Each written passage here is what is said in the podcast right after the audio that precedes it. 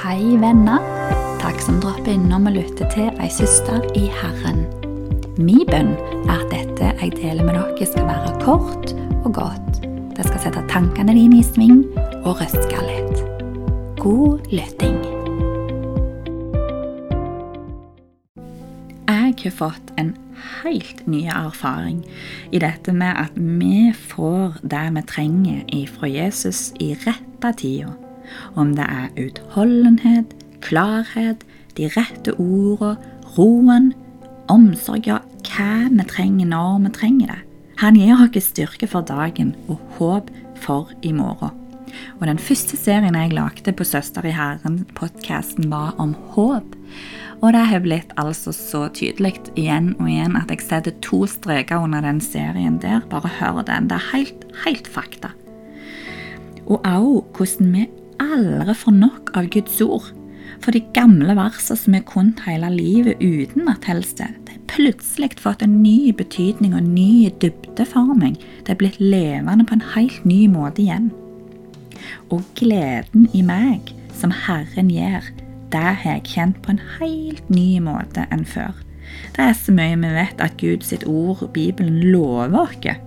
Men å faktisk få erfaringen med at løftene de heller, det skaper en enda sterkere tro i oss på at det som Bibelen og som løftene sier oss, det er sant. Og det er heller ikke kødd, uansett.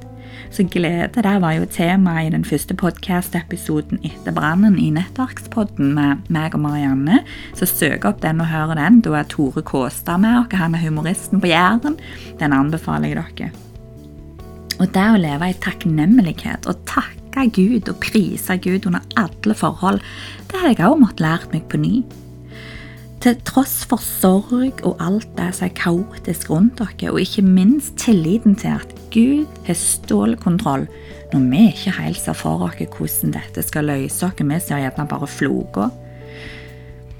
Jeg ser for meg en sånn broderi at på baksida der er det veldig flogete, og det er den vi ser mange ganger. Men Jesus han har andre sida der du ser det ferdige bildet, der du ser hvordan det er når det løser seg og, og kommer i rette orden. Den rette sida av broderiet. Og nå har jeg følt meg sånn på andre sida i floka. De første dagene etter brannen da fikk jeg en opplevelse av hva frykt er for noe. Jeg som alltid har vært veldig fryktløs i unge år, kjente nå en lammelse som frykten kan skape i kroppen for aller første gang. Jeg trodde et minutt at jeg hadde glemt å skru av steikeplata på ogen dagen etterpå. Og den opplevelsen av frykt som jeg fikk i det øyeblikket, det ga meg en forståelse av hvor hemmende og alvorlig frykt i livet vårt kan være. Så jeg måtte rett på kne og bekjenne og omvende meg ifra frykt og så ønsket å gripe om meg som ei klo, og be til Gud om tilgivelse. Og etter det så har jeg ikke merket noen ting til frykt eller det å være redde. Jeg har faktisk følt i roens i dag igjen at folk rundt meg har vært mer redde enn meg sjøl. Og det sier Gudmund òg. Jeg får flashback pga. lyder og lukter som jeg kan plutselig høre, og det minner meg om brannen, men jeg kjenner ikke på noe frykt i det. Jeg er bevisst på det, og jeg takker Gud for det. Men frykt det er en skummel, skummel ting og en dum følelse som vi virkelig må omvende oss ifra, vi som tror på Gud. Det er en stor synd og en stor uting som vi gjerne lever under uten å være klar over det engang. Kanskje det er noe vi har tatt på og kledd oss i som en del av oss. Om det er frykt for morgendagen, eller for sykdom eller smitte eller menneske, eller det å være annerledes, å være upopulære, ja, å være, ikke ha penger, eh, frykt for hva som helst. Våg å gå inn i den prosessen med å vende deg om fra denne usynlige utingen som vi gjerne ikke er klar over at vi lever i engang. Og fienden han har dratt opp minner i det siste fra andre vonde ting og opplevelser som jeg har stått i for å skremme vettet av meg.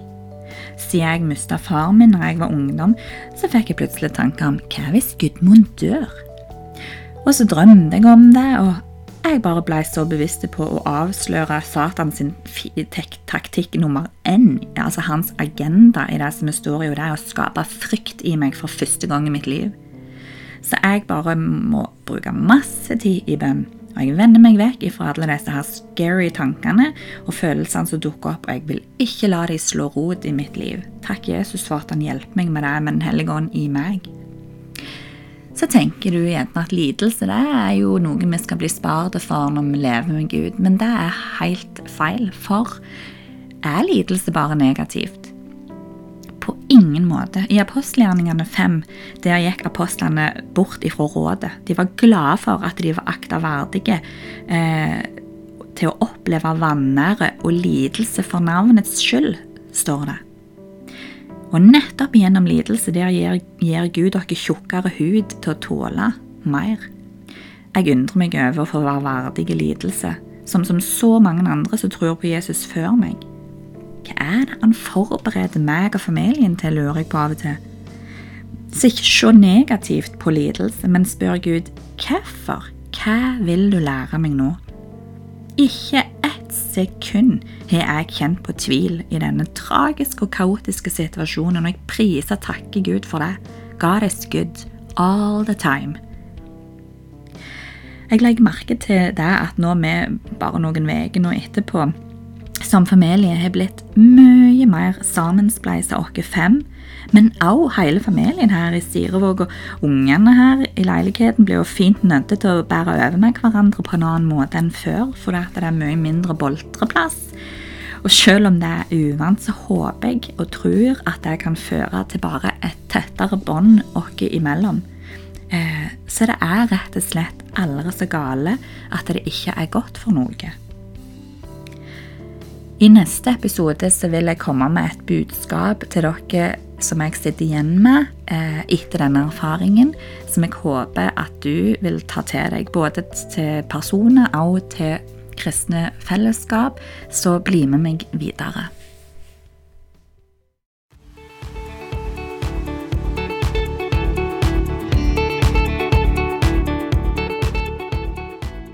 Du hørte nå en episode fra ei søster i Herren.